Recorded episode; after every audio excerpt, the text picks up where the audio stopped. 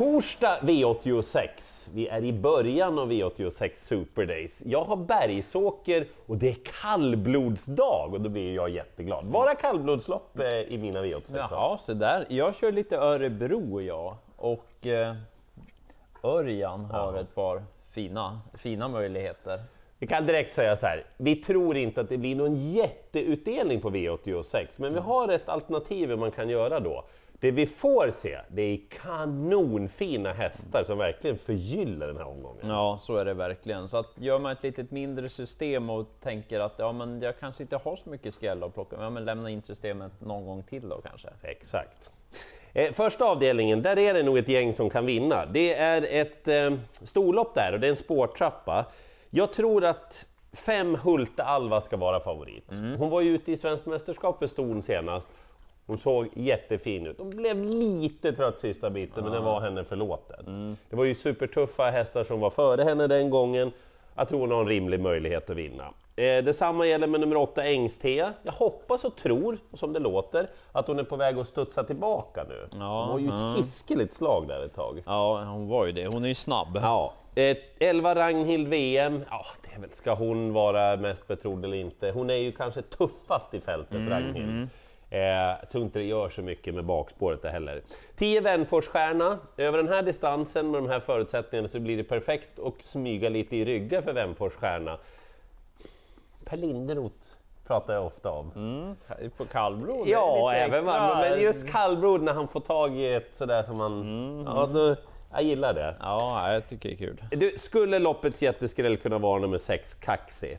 Eh, hon var ju i ett sjösärdeles slag där ett tag. Hon varvar ju lite monté och trav. Ja. Eh, Årgäng näst senast blev lite halvfast i alla fall och så galopp senast. Kanske hon blir jättebortglömd på det då. Det krävs mycket men det är i alla fall en superskräll i en omgång där det finns väldigt få sådana. För någon superskräll tror jag inte att det blir i avdelning två. Då ska hon ju nämligen ut igen, Margareta Thoma. Som vinner och vinner och vinner och vinner. Ja, hon är ju fantastisk.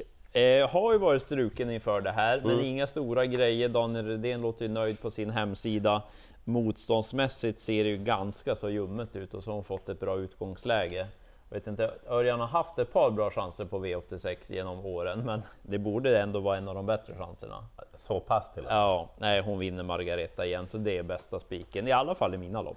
Man håller ju också tummarna för att den här långa segerraden fortsätter Mm. nu. Hon duellerar med stallkamraten Francesco Zetterberg som Ja. ska ha längst segerrad i Sverige. Precis, de byter av alla Ja. varandra lite just nu, så nej, hon vinner avdelning två.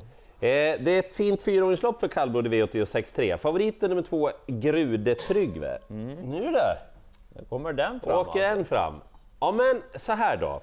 Han har ju 20 meters försprång och det kanske han måste ha också. Men jag tror inte han kommer att ha det, Grude Tryggve, när de har kommit 100 meter. Okej. Ja, men jag tittar en hel del voltstartslopp på honom och han är stabil. Det är inte så han galopperar. Men inte så snabb då? Nej. Ah, Han okej. behöver trampa iväg lite grann och så kommer han igång.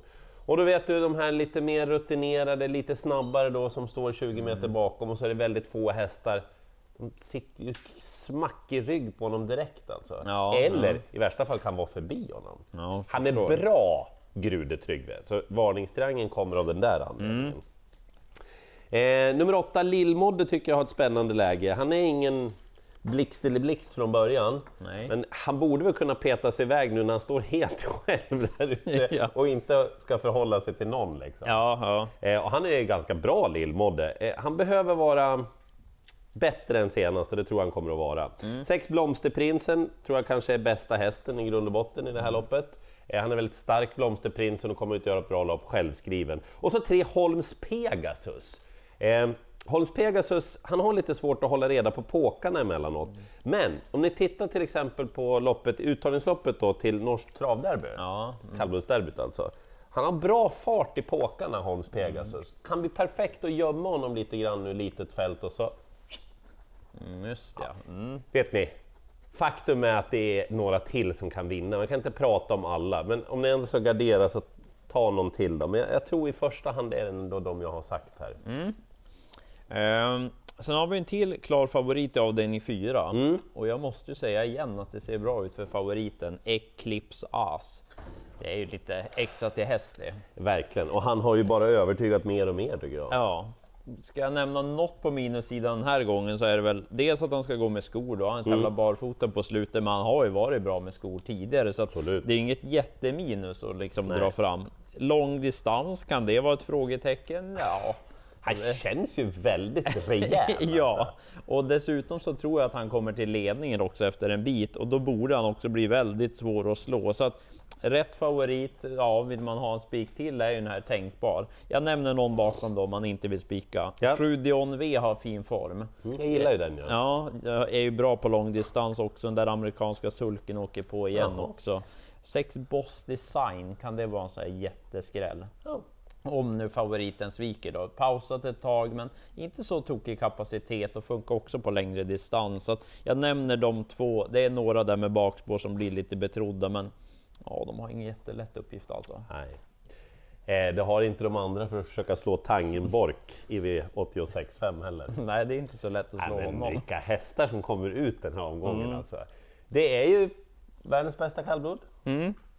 Även om han torskar Ja, sist. jo, men, Men han är väldigt frän. ja, ja, ja. Och eh, det är klart att han vinner det här. Mm. Men jag tycker ändå man ska ha respekt för att det var i lördags han Ja. Mm. gjorde det där jätteloppet. Är det någonting att ta på då? Alltså, det är väl självklart att Tangenborg vinner det här loppet, men kan det finnas någon spricka i rustning den här gången? Mhm. Ja. Eh, fyra Bränne Odin har ju varit ganska nära Tangenborg. Ja, Han ja. på Solvalla där. Mm, det är sant. Ja. Och så ett Rosborken, han har ändå 40 meter till godo. Och Mm. det, Öystein Tjomsland hoppar upp själv den här gången. Ja men säg att han gör ett försök då, bara ge sig iväg. Ja, ja, Ja, han du vet en kör. utbrytning sådär. Ja, och det ja. blir något... Det är inte troligt alls. Men om. Ja, jag vill ändå ha det sagt. Mm. Ehm, han vinner ju såklart. Men... Jag tror ju att Örjan vinner avdelning 6 Ja. med två O Toma.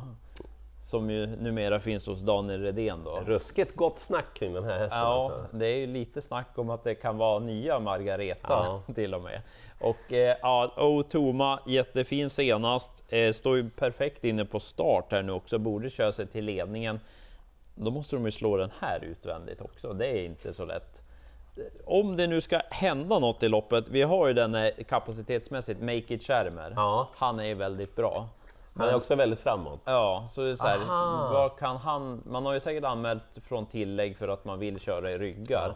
Men det är bara fem hästar på start, kastar alla sig ner på innerspår bakom Örjan. Vart är Make It Schermer då? Kan han få för sig att springa? Det, det, händer just något tokigt. Men han är ju bra om man nu vill gardera så är det ju Make It Schermer. Jag nämner tre As Always Marke.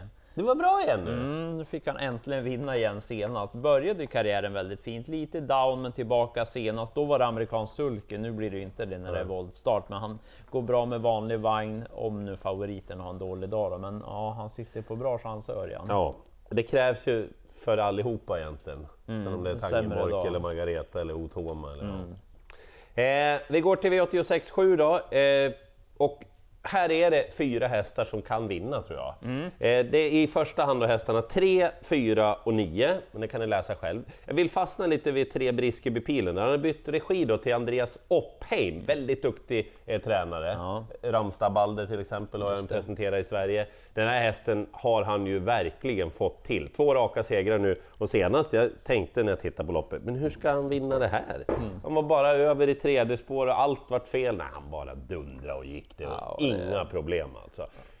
Han är inte startsnabb, Nej, så han kommer att lämna ett litet handikapp där. Men jag tror att han har bäst chans. Mm. Sen vill jag att du pratar lite om 10 Tågaryker.